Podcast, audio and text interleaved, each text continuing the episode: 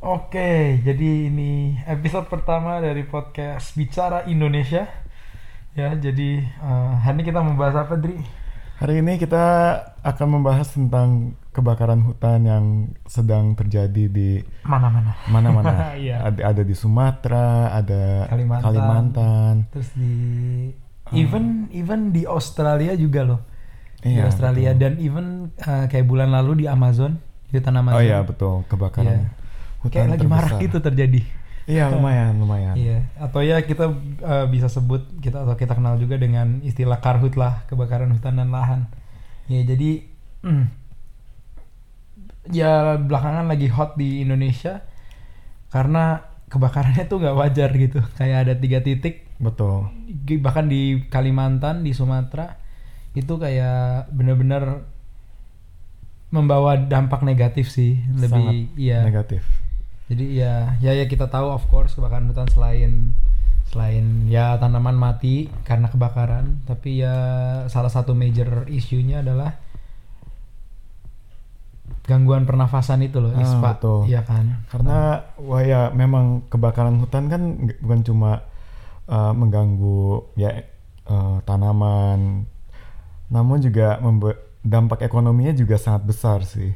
Hmm. Kayak bahkan kemarin gue sempat baca uh, kayak penerbangan di cancel di seluruh di Pontianak, di Palembang, di Pekanbaru, di Dumai. Ini hal-hal yang menurut gue ya maksudnya ini loh itu masalah yang setiap tahun pasti ada nggak sih? Hmm, benar-benar. Memang dari zaman entah zaman kapan kayak sejak Hmm. kelapa sawit lumayan booming di Hmm. Sumatera bahkan tahun 90-an gitu masih ada dan 20 almost 30 years going kayak masih belum ada yang bisa nentuin solusinya apa. Gimana Iya. tuh? Dan yang perlu kita tahu juga kayak kebakaran hutan ini tuh em, bener-bener melumpuhkan ini ya, melumpuhkan selain perekonomian juga edukasi juga loh kayak sekolah-sekolah Iya, betul. diliburin, kantor-kantor diliburin karena kayak kabut asap di mana-mana. Hmm. Dan even kabut asap ini juga sampai nyerang tang negeri tetangga gitu Betul, kayak Malaysia betul. atau Singapura dan kita bisa dituntut lah bisa ini Hmm, itu. Kemarin aja gue baca Malaysia meliburkan hampir eh, 1.200 sekolah. yang di Eh, yang, di- di yang Malaysia, di- Kalimantan itu ya. Iya, Yang- di- bukan cuma di Kalimantan, di ya Even yang di sebelah Singapura di, asapnya ya, sampai di sana gitu. Semenanjung. Iya betul betul. Gila sih. Karena kemarin juga kemarin NASA baru ngeluarin kayak video, bukan video maksudnya kayak satellite pictures. Eh, dampak asapnya udah menyebar sedikit ke arah utara. Maksudnya bukan sampai bukan sepekat itu, tapi traces of asapnya bahkan kelihatan di daerah-daerah seperti Vietnam. Bahkan katanya bentar lagi bakalan nyampe Hong Kong. Walaupun nggak bakal setebel apa yang dirasain sama orang-orang di Iyalah gila. Kalau Itu- tebelnya sampai Hongkong Krakatau itu lumayan ya. lumayan nunjukin lah betapa skala uh, bencana ini lah. Iya. Oke, yang perlu di, eh, di- eh, kita ketahuin lagi tuh sebenarnya kebakaran hutan ini tuh terjadi karena dua hal ya. Hmm. Yang pertama eh, emang fenomena alam, which is yang terjadi di Australia itu fenomena alam karena emang kekeringan yang berkepanjangan atau kita bisa kenal dengan istilah El Nino. El Nino kan ya? Ya El Nino. El Nino. Ya, jadi emang kekeringan. Terus eh, ya jadi karena kekeringan kandungan air di dalam tanaman tuh nggak ada, jadi lebih gampang terbakar gitu. Atau ya emang kedua emang sengaja dibuat manusia Nah, gitu. betul. Tapi se- sebenarnya yang mau lebih gu- kita kritisin di sini tuh kenapa langkah preventifnya tuh atau responsnya terhadap misalnya udah ada kebakaran, Mm-mm. preventif dan rep- represifnya tuh sangat lamban Iya. atau gimana ya? Bahkan menurut gua kadang-kadang cenderung atau mungkin ini apa ya disaster management Indo dari Indonesia dari dulu menurut gua selalu ke arah reaktif bukan preventif. Hmm, hmm, hmm. Orang-orang bilang, oh ini ada kebakaran, ayo kita save Riau apa-apa.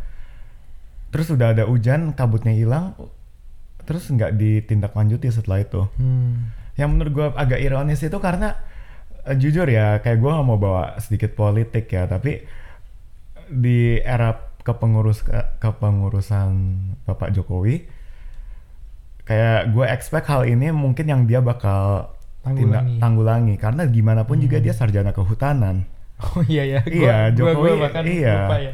Iya. Dia kehutanan UGM. Oh. Jadi menurut gua mungkin dia har eh, mungkin administrasinya should put a bet a greater influence di Ya karena dia berangkat dari sana gitu. Iya ya. betul. Mungkin dia tahu ada beberapa hal yang itu yang bisa Hmm. diberesin lah. Nah, yang yang yang kita tahu juga kan eh, beberapa hari lalu Jok- eh, Pak Jokowi sempat ke Riau ya Iya betul. i- untuk ngelihat hutan terus Hmm. kayak ada penemuan-penemuan apa tahu nggak sih yang viral malah bukan lebih dari kebakaran hutannya yang viral itu yang anakon tahu nggak sih kayak ditemukan Oh. ular gede banget Ya. mati terbakar gitu Betul, kayak betul. Netizen langsung kayak wah gila kita punya anaconda di Indonesia terus kayak itu makhluk apaan bla bla bla bla bla bla kayak woi salah fokus Salah kebakarannya fokus, salah ini loh fokus. iya iya jadi ya mungkin kalau misalnya yang dibuat manusia ya langkah-langkahnya ya hukuman yang berat mungkin ya bagi Betul. bagi orang yang melakukan atau perusahaan yang melakukannya oknum-oknum yang uh, membakar buat pembukaan lahan and stuff tapi nah yang alami ini nih itu sebenarnya tanggung jawab siapa sih gitu pengawasannya Nah ini ini menurut gua ya typical Indo once again. Karena kita itu terlalu banyak ketim apa ya overlap antara badan-badan eh, pemerintah. hmm. Eh, apakah ini harusnya di di bawah dinas kehutanan masing-masing provinsi atau mungkin langsung ditangani oleh Kementerian Kehutanan? Hmm. Nah, menurut gua karena skala ini terlalu besar, menurut gua hal-hal penanggulangan ini harusnya ditangani oleh pusat, pemerintah pusat. Minta pusat Karena ini karena ini bahkan juga bencananya udah bakar hampir 300 ribu hektar uh, hutan di Indonesia atau kawa- bahkan kawasan yang dilindungi. Ya, jadi kayak skalanya udah skala Skalanya nasional udah skala gitu. nasional bisa dibilang Mhm. bahkan sebagai bencana nasional ini kayak so to sorry to say ya. Uh, nah masanya like most things juga funding juga kurang. Kita coba coba gue cek dulu ya. Hmm. Dan ini tuh sebenarnya ada nggak sih di APBN? Maksudnya ada di APBN dalam arti emang dikhususkan nggak sih? Atau ini tuh termasuk kayak that 10% yang yang kalau misalnya ada apa-apa, tau nggak sih Oh, kalau buat tahu, tahu. kalau buat anggaran kan biasa Iya, iya, dilebihin tahu, 10% tahu. Ada gitu kan? Apa ya? Gue gua ngerti maksud lo. Nah, Eh, nah masanya ini ini set- setahu gue, aduh. Lebih ke ini sih kayak ya emang gue sekarang sempat denger-denger YouTube juga lihat-lihat eh, pakar-pakar ngomong. Actually kayak gue lup gue nggak catat juga pakarnya siapa cuma semua orang ngomong bahwa ini tuh seharusnya menjadi tanggung jawab dari kedua belah pihak yaitu pemerintah daerah dan pemerintah pusat. Di mana seharusnya pemerintah daerah dan pemerintah pusat tuh berkolaborasi untuk menangani masalah ini.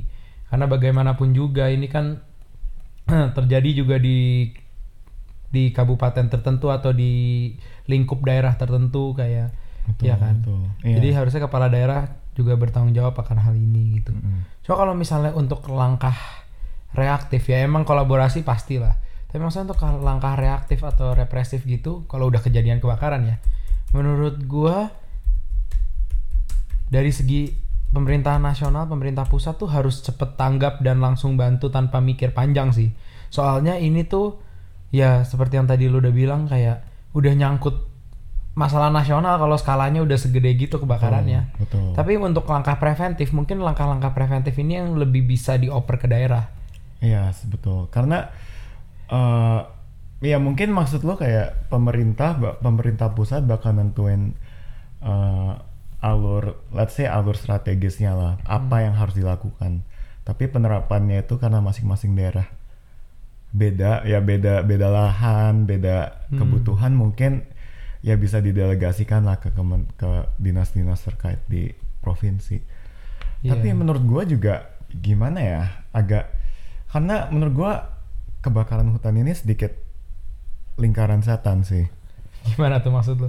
Karena walaupun orang bilang oh ya mungkin tadi lu bilang kan kayak itu sesuatu eh, mungkin dari alam gitu. Hmm. Tapi iya memang dari alam tapi kita we can't ignore ada andil manusia kadang-kadang lebih Yeah. besar daripada apa ya daripada let's say hukum alam ya kasarnya lah Iya. sama ya itu kayak masalahnya sorry to say kebanyakan lahan-lahan yang dibakar itu kan kebanyakan untuk kelapa sawit Hah. dan kelapa sawit itu itu bahkan bisa dibilang sebagai salah satu ekspor terpenting Indonesia Iya, jadi what what are you trying to say kayak mau arahnya ke mana nih? jadi ya menurut gue ya harus lo harus regulasi terhadap kelapa sawit itu harus lebih banyak Hmm, cuma berarti ya ya kan emang harus mikirin environment dan gue anak betul. environment Iya, tapi betul. eh, bukankah dengan membuat regulasi ini semakin ketat akan menurunkan produksi kelapa sawit kita? Jadi kayak in the end devisa negara kita menurun.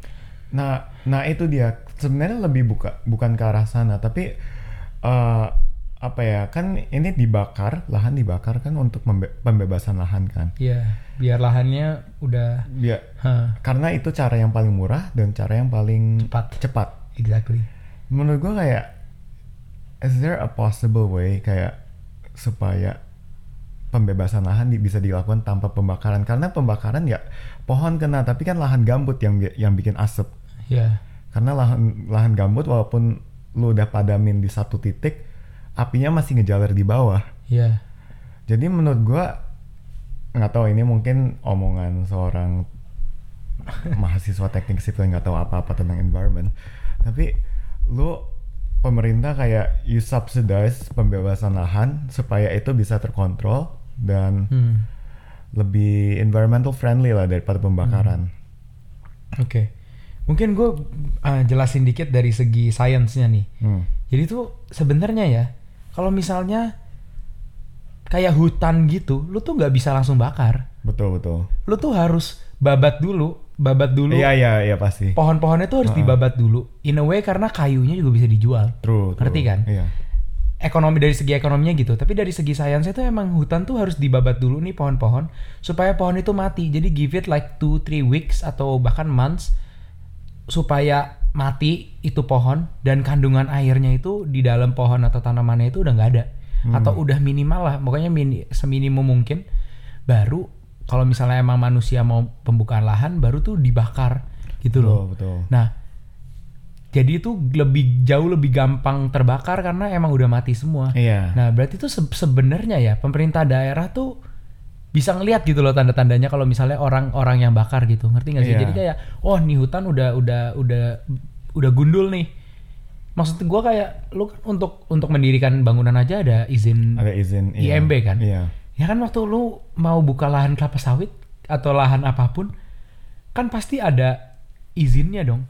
Dan harusnya disupervise lebih dong ke area yang emang udah mau dibuka kayak gitu. Jangan sampai kayak area-area itu yang udah tahu bakal dibuka dan udah tahu cara paling cepatnya adalah pembakaran, tapi langkah preventifnya atau langkah pengawasannya itu gak ada gitu. iya betul Iya kan? Ya, harusnya bagi pemerintah daerah atau pemerintah pusat tuh gam nggak gampang sih, tapi maksudnya lebih mudah mengawasinya kalau udah ada tanda-tanda seperti itu. Oh ini bentar lagi mau dibuka perkebunan baru, kan harusnya lebih gampang gitu. betul betul Heeh.